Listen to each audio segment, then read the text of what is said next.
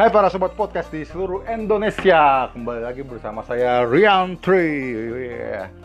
Sebelumnya saya ingin mengucapkan selamat Hari Raya Idul Fitri Pada teman-teman semua, para pendengar podcast di tanah air. Pertama bagi yang ngefans dengan superhero. Kembali lagi dengan saya di episode ke 7 Yeay. Dari episode ke 7 ini saya nekat melakukan siaran dengan Bersama anak dan istri Dan di rumah. Ya Oke, jadi sebelumnya sebetulnya saya uh, rekaman episode ke-7 ini pengennya sih tadinya mau sendirian aja di Bekasi waktu itu, cuman karena iya, silakan aja. Iya. Oh ya, kenalin nama saya eh, anak saya namanya Alessa dan ada istri saya namanya Argin sini. Oke, jadi episode ke-7 ini Nah, sebetulnya saya saya pengen membuat suatu karakter yang berpusat pada apa namanya? uh, musik apa namanya cita-cita saya waktu masih SMA ya jadi waktu saya masih SMA itu pengen jadi musisi. Tapi kayak sih bakal dimasukin juga ke episode ini ya episode ketujuh ini ya. Karena tanggal 7 ini identik dengan tanggal lahir saya ya. Dan tanggal 7 eh angka 7 kan identik dengan uh, apa angka keberuntungan dan angka keramat keajaiban dunia kan 7 keajaiban dunia oke. Nah jadi wow meledak. Ada balon meledak saudara-saudara. Podcast paling edan dan sekali lagi uh, saya nggak nggak pakai nggak pakai skrip di sini. Jadi saya akan menceritakan karakter uh, apa yang benar-benar baru banget. Nggak nggak saya rencanain. Eh rencanain cuman nggak saya tulis. Oke jadi uh, ini anak saya lagi panik. Karena balonnya pecah satu ya apa kita bikin jagoan bentuk balon aja ya? Jangan deh ngomong soal balon balon itu kan terdiri dari apa namanya uh, pertemuan antara ruang dan dan udara ya. Nah kalau ini saya ingin membuat cerita tentang karakter yang terlibat dalam ruang dan waktu. Yeah. bisa aja. Jadi uh, gini kan waktu SMP saya udah punya cita eh, pernah punya cita-cita pengen jadi seorang musisi kan. Seorang musisi yang pengen ngeband gitu kan waktu kecil. Saya waktu umur segitu emang ABG kan habis gimana sih rasanya ngeband terus habis manggung di atas di acara pensi sekolah itu? Waktu saya main gitar kan. Nah sejak saya itu wah asli juga manggung ya nyata ya. Pengen pengen banget saya punya band gitu. Sebetulnya waktu itu apa ya kepikiran eh pengen apa ya uh, punya teman SMA punya hayalan gitu kan jadi cuman teman SMA saya bisa uh, berkarir musik. Nah dari situ ya sebenarnya saya waktu itu terperangkap, oleh hayalan sendiri kan. Jadi berhayal punya teman punya tapi kenyataannya tidak sesuai ekspektasi kan. Jadi teman-temannya ya gitu-gitu deh biar akhirnya saya juga ngeband cuman nggak sesuai dengan hayalan. Dari situlah saya akan membuat sebuah karakter eh, sebuah satu karakter. Ini moga-moga suara anak saya nggak terlalu keras ya membuat satu karakter uh, seorang musisi yang ingin meraih cita-citanya tapi dia terjebak dalam dimensi ruang eh dimensi waktu eh ruang waktu sorry yeah. dan lebih ke apa ya kalau kalian tahu buat penggemar buat penggemar anime kalau kalian tahu istilah isekai itu kayak Inuyasha kayak Sword Art Online terus Digimon. Nah isekai itu kan cerita tentang dunia yang apa namanya uh, dunia paralel kan. Jadi ibaratnya kita ada di alam lain gitu entah di dimensi lain atau galaksi lain atau pokoknya dunia bukan kita gitu loh. Kayak Inuyasha tau sendiri kan tuh kan si karakternya Kagome. Hai Alisa. Karakternya Kagome itu kan dia terperangkap di dunia di masa lalu gitu tapi itu masih kategori isekai juga terus ada lagi yang Digimon kan dunia digital kayak gitu gitu nah saya akan memperkenalkan satu karakter bernama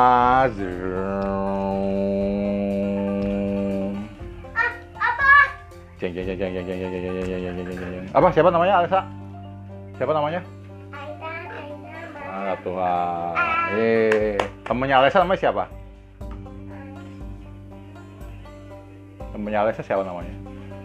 Cowok, cowok, cowok, cowok. Siapa namanya? Ayo. Siapa namanya? Ah, aku habis. Nggak ada dari anak. Oke, saya akan mengayap. Kita beri nama uh, Reski aja ya. Oke, Reski. Kalau Reski udah kebanyakan bisa cewek bisa cowok Reski. Oke, jadi si Reski ini ceritanya adalah ya dia udah dari kuliah, eh, bukan kuliah, udah dari sekolah udah sering lah ngeband sama temen-temennya gitu dia juga ibaratnya udah udah udah diajak manggung mana-mana sama temen-temennya bahkan pas mahasiswa pun nah pas mahasiswa ini dia menemukan teman-teman baru band baru gitu kan. Jadi tapi sayangnya waktu itu teman-temannya itu uh, apa namanya memiliki hutang apa ya jadi istilahnya dia demi bisa demi bisa rekaman teman-temannya dia di, di manajemennya lah manajemennya si Reski ini. Dia berutang banyak dan salahnya satunya dia berutang pada sindikat kriminal. Nah, jadi satu yang diutangin itu dekat dengan sindikat kriminal yang seperti saya sebutkan sebelumnya kan. EN itu dia. Organisasi EN itu yang dekat dengan orang yang diutangkan oleh manajemennya si Reski ini. Singkat cerita si Reski ini uh, apa kira uh, pada suatu malam setelah konser ditagih kan manajemennya tapi manajemennya kayak kesempatan ya apa namanya minta kesempatan gitu kan terus apa namanya nggak bisa gitu kan. Ternyata mereka bawa tukang pukul lah satu anggota EN itu. Jadi dia kejar kan. Ya kasih nggak ada dibunuh ya cuman ya karena nama juga dikejar kan tukang pukul ya udah pada mencar-mencar sampai akhirnya si Reski ini apa ya terpojok di satu tempat yang sepi. Dia nggak tahu tiba-tiba situ di sebuah gang rumah ya di pojok rumah yang apa namanya perumahan yang lagi terbuka lah bukan perumahan tertutup gitu gitu tuh oh, jamnya udah menunjukkan pukul satu tiga puluh lah satu dua puluh pokoknya dia satu lewat. Dan sudah sepi di situ. Ya, dia menemukan sebuah juga bongkar cahaya seperti bongkahan batu gitu. Sorry. Menemukan cahaya seperti bongkahan batu. Nah lalu uh, dia ambil kan tuh batu apa ini? Kan bisa bawa senter. Ya pas dia pegang batunya nggak nyala lagi. Eh eh akhirnya pas dia habis dia yang nggak nyala gitu kok dia ngeliat sekelilingnya kok kayak banyak yang berubah ya tempatnya wah terus habis itu banyak, banyak yang berubah. Lah kok jadi nggak kayak tempat lagi agak gelap gelap gelap terus akhirnya jadi agak terang lagi. Dan akhirnya ternyata dia tiba di eh ternyata setelah dia menyadari perubahan itu menyadari perubahan itu bukan di perumahan itu lagi di tempat cuma kayak sebuah gua gua kecil apa gua yang entah um, sebuah gua yang gelap dan ada penerangan sedikit dari luar gitu. Oh, ini di mana nih? Gitu kan kaget sih Reski kan. Setelah itu ya, pas dia keluar dari gua ternyata dia berada di suatu tempat yang dengan pemandangannya itu agak aneh gitu kan seperti ada kota-kota yang bangunannya nggak kayak di bumi gitu kan. Yang agak-agak kayak di futuristik kayak di cita-cita kartun lo kata si Reski wah ini kayak di kartun-kartun nih gitu kan. Ya terus. Kaget-kaget aja. Ya Esa iya. Si Esi kaget dan ya. mm, ngomong Alisa ini baru 4 tahun ya udah mau lima ntar lagi mau sekolah nih biar bisa sekolah.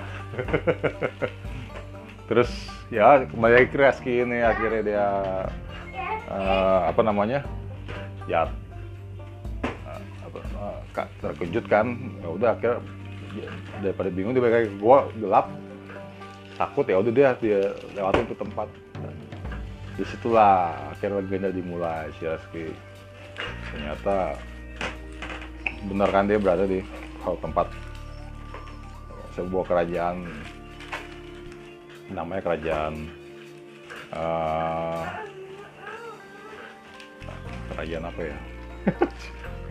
Bingung. Ya ada kerajaan uh, kerajaan Valisian Cie, Valisian Nah, ada itu anagram dari saya yang saya lihat ya. Sivanian Sivanian Family ada mainan oh ya kajian Felician. Felician ini adalah eh, apa namanya?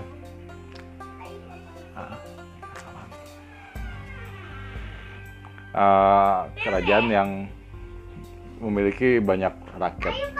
Apa namanya? Yang bisa eh, bertarung gitu lah pokoknya kan. ya terus habis itu? Nah si Reski ini sama di Felician nih. Ayo. sama di Felician nih. Ya dia mengalami banyak hal lah yang akhirnya eh, membuatnya yang nggak jadi musik lagi dia sama pokoknya ada banyak nanti kita bisa bikin cerita sendiri ya.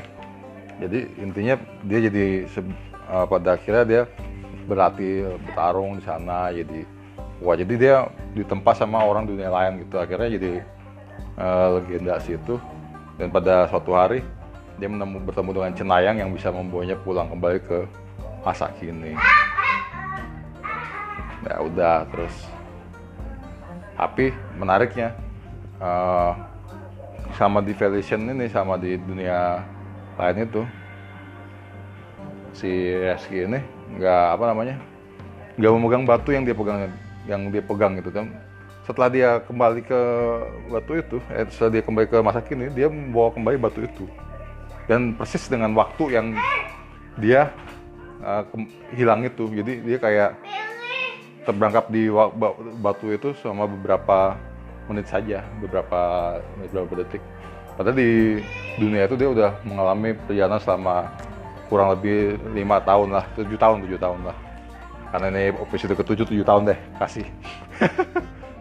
Dan dia emang umurnya seperti masih udah tujuh tahun lebih tua, jadi dia ngerasa kayak banyak perubahan gitu. Dan dia nggak nggak nggak bawa apa-apa, kecuali uh, tubuhnya yang itu. Cuman secara mental dan secara fisik dia berubah secara biologis berubah secara um, bajunya kayak bajunya agak kekecilan gitu kan. Karena otot ototnya tambah besar gitu. Nanti cuma bawa uh, batu itu bersamanya dan jadiin sebuah kalung dia bawa kayak uh, apa yang memanggil lah dia, dia yakin itu adalah batu yang mempengaruhi kehidupannya selama di Felician itu. Oke, jadi setelah kembali ke bumi, dia melihat apa? ah, ya udah dia akhirnya menghadapi para anggota EN itu. Ya terus habis itu apa yang TV kecilan. Aduh. Iya. Ya, akhirnya kembali ke dunia ini. Dia pun nyadar baru ingat, oh iya terakhir kan dia dikejar sama ini. Ternyata bener kan dilihat tanggal, oh iya bener terakhir kali dia uh, kembali ke itu apa? uh, per- pergi ke dunia lain itu, ke, ke alam lain itu. Udah akhirnya dia menjajal kemampuannya, orang ngejar disikat. Wah, lah ternyata bener jadi kuat si Resti ini ya akhirnya dia setelah jadi kuat dia mulai melakukan dan teman-teman itu kaget loh bukannya nggak bisa berantem ya ya udah terus akhirnya si Resti ini kembali sebagai band dan dia minta manajernya untuk tidak ini. Enggak dan nggak apa namanya. Si manajernya ini nggak boleh lagi ngutang ke orang. Tapi ya itu akhirnya karena berada di dunia alam lain yang bukan yang tidak familiar dengan bumi yang sangat asing dengan eh, apa keadaan bumi sekarang. Pokoknya nggak nggak sesuai dengan masa kini dunia ini si Reski berhasil membuat komposisi musik yang unik khas ala kerajaan Valisian jadi mencuri ide sama bukan mencuri sih ibarat terinspirasi memanfaatkan eh, ide-ide musikalitas musisi di sana gitu. Jadi udah dijual teman-temannya pada kaget kan oh komposisi musik kok kayak unik gitu beda gitu sama yang lain. Ya nggak mati ya ini gue belajar dengan lain 7 tahun cuy gitu. Terus habis itu ya dah eh, si eh, laku kan musiknya akhirnya dua tahun kemudian eh, rekaman eh, rilis album lah pokoknya selama dua tahun tuh rekaman rilis album sukses dan itu jadi musisi gede lah ibaratnya. Musisi yang bisa menyaingi band papan atas Iya, di Indonesia. Tapi sayangnya eh, perkembangan EN ini semakin besar kan setelah itu Eh, jadi bukan berarti ibaratnya eh, dia mencari tahu apa ya apa aja yang menjadi masalah sama ini dengan orga- organisasi itu. Ternyata salah satunya manajemen Reski belum dibayar gitu kan utangnya masih tersisa gitu. Nah kayaknya sih kaget loh. Bukan disuruh bayar belum belum dibayar. Waduh gawat kan. Ya udah akhirnya dibayar bay- eh, apa namanya ketahuan pokoknya satu, suatu hari ketahuan kalau manajernya itu belum bayar. Itu manajernya itu eh, juga udah mau cabut kan dan tagihannya ke bandnya ke, ke teman-temannya ke uh, vokalisnya lah jadi leadernya bandnya itu bandnya Reski itu. Dia mesti ada gitaris si Reski ini gitu gitaris sama ya gitaris lah dia jago main gitar ya. sama vokal juga. Teman ke teman kan tagihan gitu masih belum dibayar gitu kan. Ya suatu hari mereka diketok-ketok tuh apa ya ini manajernya namanya Darwin lah katakan ini Mas Darwin. Eh tolong dong dibayar sekarang. Ya, jangan sekarang nggak bisa. Apa lagi nggak ada duit nih terus kata Reski nggak bisa harus sekarang. Kalau enggak ntar kami sita semua barang-barang gitu. Atau kalau misalnya kalian masih menolak, menolak akan melakukan kekerasan. Kekerasan seperti apa gitu kan. Ya, kami nggak bisa menyita barang sembarangan. Ya begitu lah pokoknya akhirnya buat-buat akhirnya si apa tukang tagihnya itu apa istilahnya sih kalau tukang tagih? Eh ya itulah si yang menagih mereka. Emosi mukul Reski berhasil Wah, habis itu eh, si tukang mukul ternyata ya itu satu anggota organisasi AN ya kalian seperti kalian tahu ya akhirnya dikalahkan dan si itu si orang tadi memanggil eh, anak buah yang lain. Sementara Darwin juga ada di situ kan takutan. Lu gimana? Ya sudah kita lihat aja nanti mereka mau gimana gitu kan. Ya kamu juga harus tanggung jawab dong gitu kan. Kenapa kamu gak mau ketemu dia takut katanya. Kalau si Darwin ternyata selama dua tahun dihantui terus kan oleh tukang tagih utang itu. Eh, Dikejar-kejar gitu. Oh, ternyata Rizky Broto kok dia Darwin tuh pindah-pindah rumah, pindah alamat, pindah kos gitu demi biar hindarin utang itu tukang wah parah juga loh gila gitu katanya. Rizky udah. Terus habis itu ada orang bisa dihubungi nggak? Ternyata yang hutangin Darwin itu udah meninggal kacaunya itu di situ. Dan apa mereka tetap bay- dapat bayaran utang yang bunganya. Sebenarnya Reski nggak terima aku pakai buah segala orang udah nggak ada gitu kan ya ternyata si itu ngutang lagi kan pengutangnya itu ya udah akhirnya ditumpahkan ke mereka. Ah ini korupsi juga namanya gitu lah ibarat tapi dalam hukum bank ya itu wajar gitu kan. Moga ada yang perdebatan di antara mereka. Ya udah mau gimana? Kita kan baru rekaman baru single apa gimana?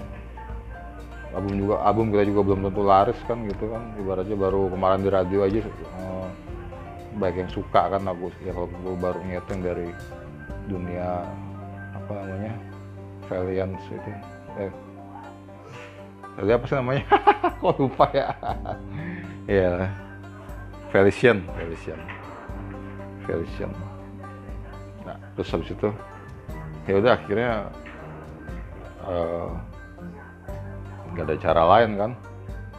Mereka mau bikin polisi dong. Ya mau gimana lagi? Eh, ternyata pas di polisi itu apa namanya? Eh, ya ntar ada orang kambing sana gitu kan. Namanya si si siapa namanya? Reski ini bilang ke pol- ke polisi kalau mereka dikejar orang aneh gitu kan. Yang suka pakai jas gitu, kacamata hitam terus ada lambang aneh tuh. Malah lambang seperti apa dijelasin lambangnya kan? "Ah, oh gitu.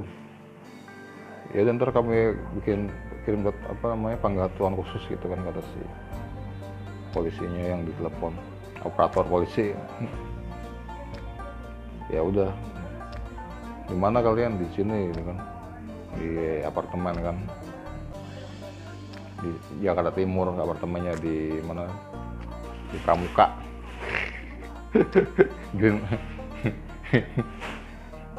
Ya di situ lah pokoknya di Green yang nyebut merek ya di area daerah Pramuka di apartemennya si siapa namanya Darwin itu. Dia masih kaya soalnya dia, dia peng- pengusaha gitu pengusaha herbal gitu obat-obatan gitu. Masih baik duit lah buat nyewa apartemen. Ya itu cuma sampingannya aja jadi manajer. Ini dia pengen cabut gara-gara dia pengen keluar dari eh pengen fokus di situ. Tapi utang-utang dulu kan. Dia tak dia mikir juga kalian pengen pengen lepas dari utang itu menimpakan ke ke band ke bandnya uh, Reski itu. Bandnya namanya apa yang ngomong-ngomong ya?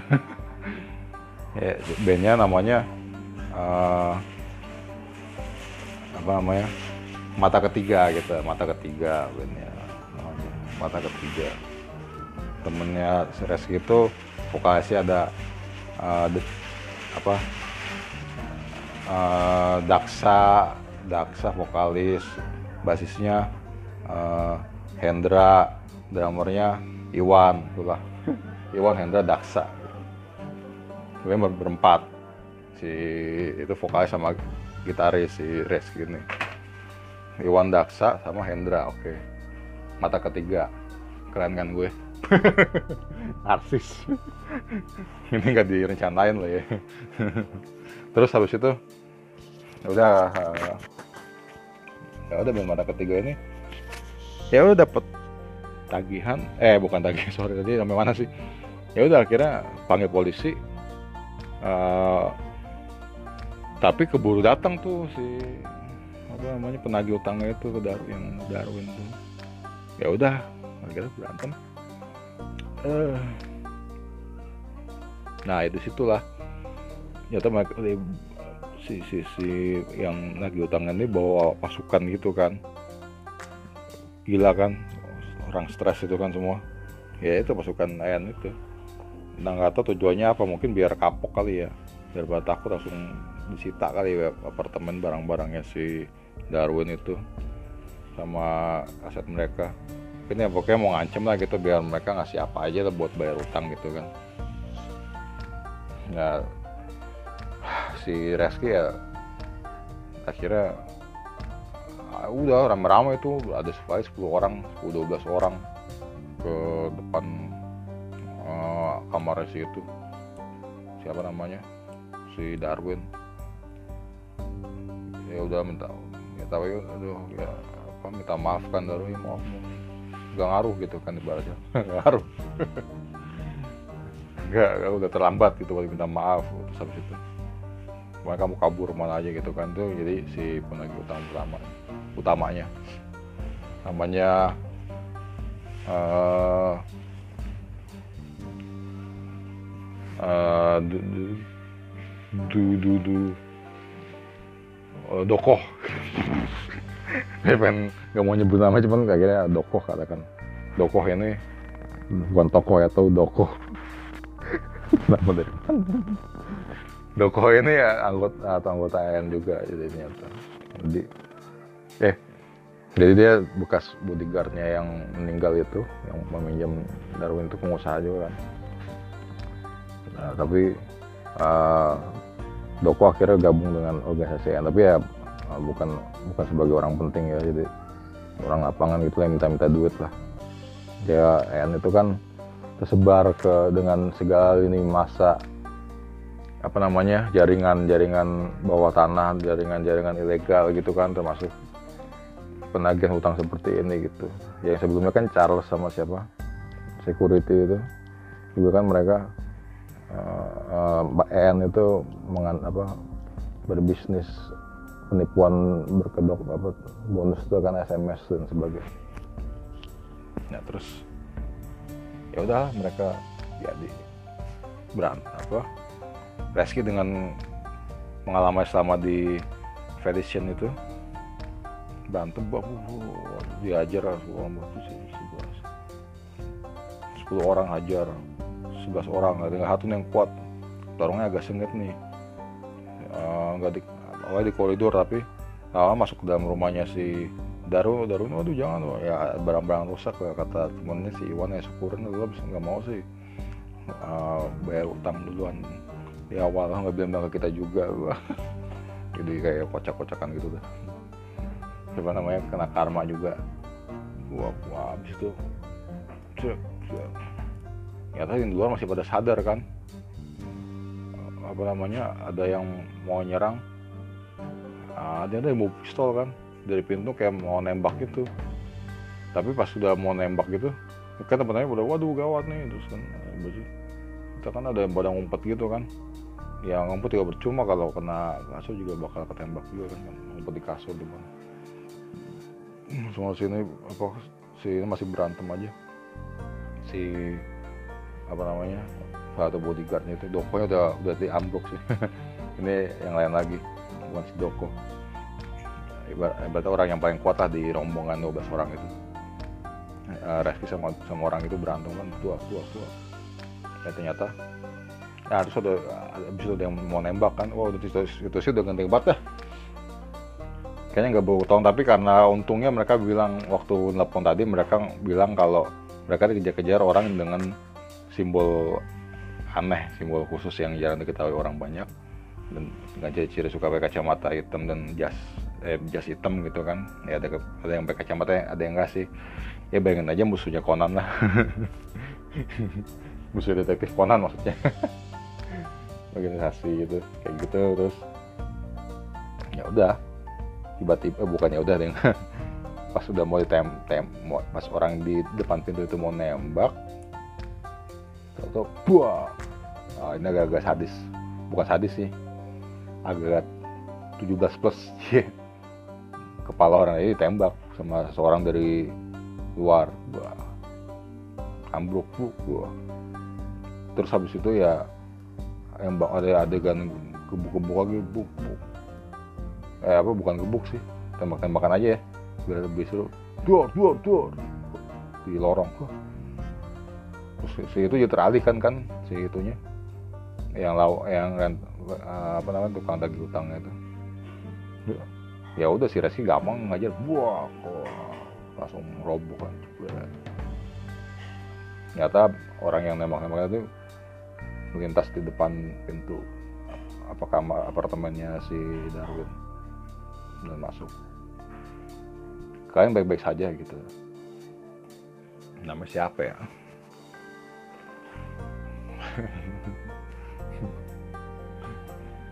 Namanya eh ntar orang paling keren yang pernah gue kenal itu di itu kehidupan gue namanya adalah oh my god.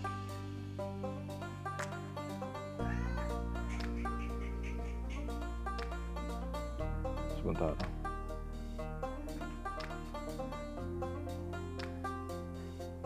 Oh iya. Sebut saja namanya adalah Adi. Oke. Nggak itu keren kalau nama Adi. Banyak orang penting di kehidupan gue namanya Adi oke terus. Si Adi ini nanya kan baik-baik saja. Ya iya iya pak. Udah umur udah 32 gitu lah. Habis itu ada yang mau ada yang orang kayak melongo gitu di luar eh, si Adit langsung nonton misalnya langsung ngelirik dikit dor buset. Kaget semua kan tuh gitu. bapak siapa aduh tuh, tolong ampun tam itu kan yang kata yang lain sih kalau si Reski ya berdiri aja kokoh. Cip, kamu yang ngerobohkan orang ini ya? Iya tanya tanya si Adi ke Reski. Iya pak. Kalau kamu tertarik gabung kami. Ceng ya, dikasih kartu nama ber- berinisial S apa organisasi berinisial SD yang seperti saya sebutkan kemarin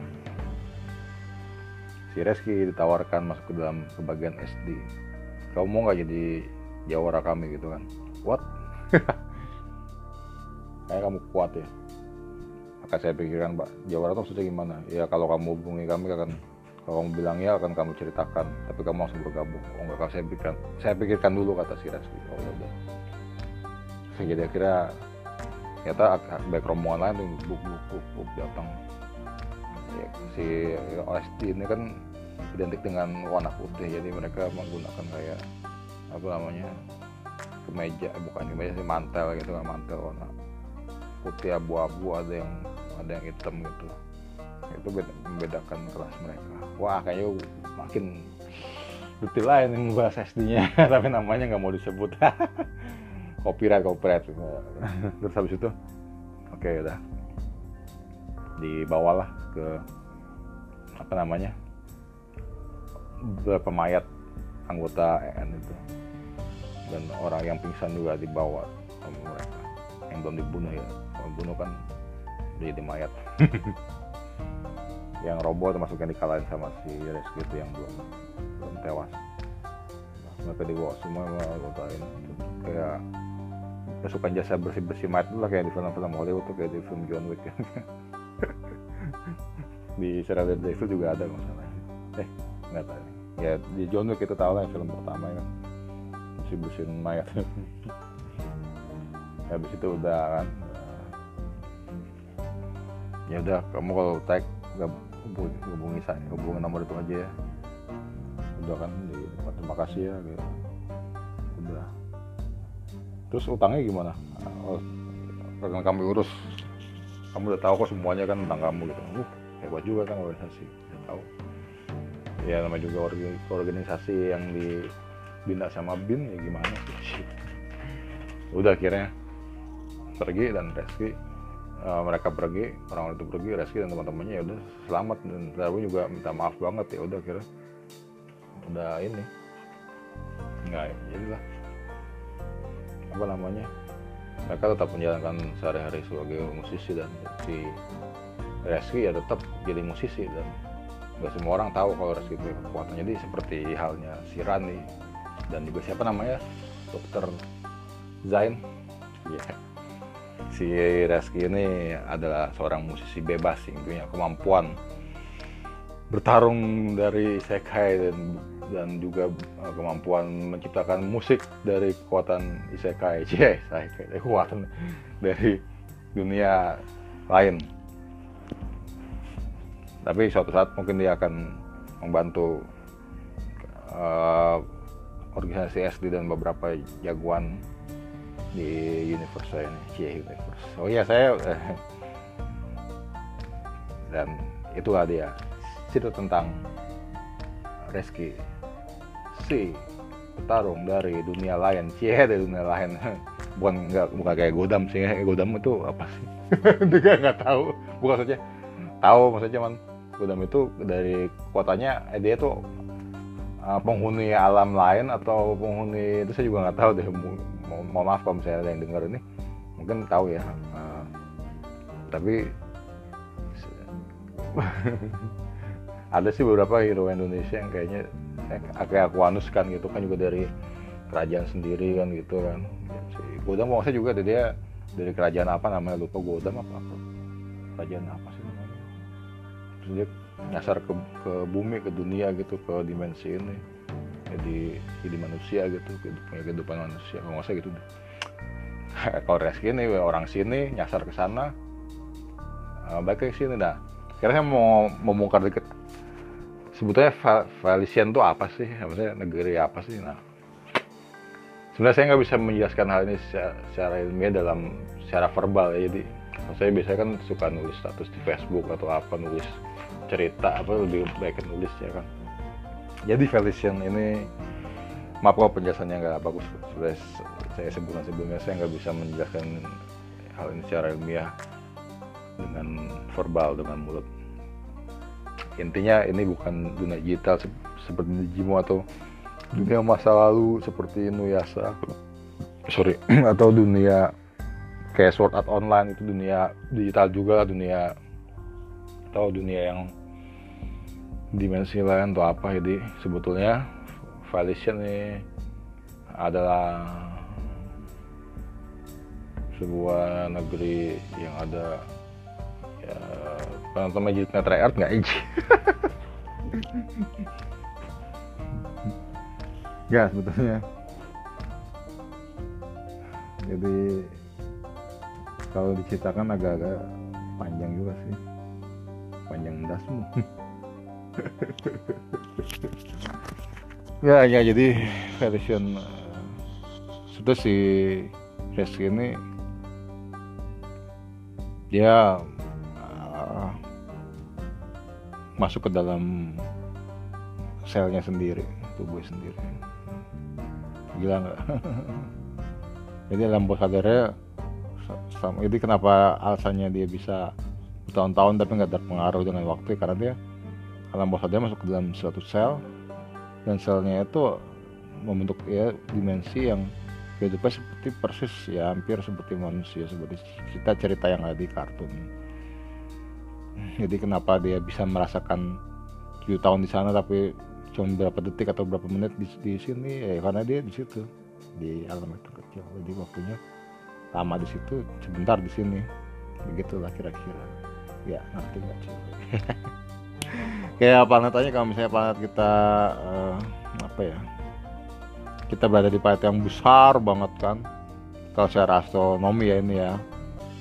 Kalau kita berada di planet yang besar uh, kayak film film Interstellar kan. Ya kita kalau misalnya di situ kita berasa kita lama situ uh, cuma dua jam. Tapi kalau kita ke bumi udah bertahun-tahun gitu kita cuma baru dua jam sana jadi awet muda lah kayak film Interstellar tapi kalau buat yang kecil kan saking kecilnya kita ngerasain cepet situ 20 tahun misalnya.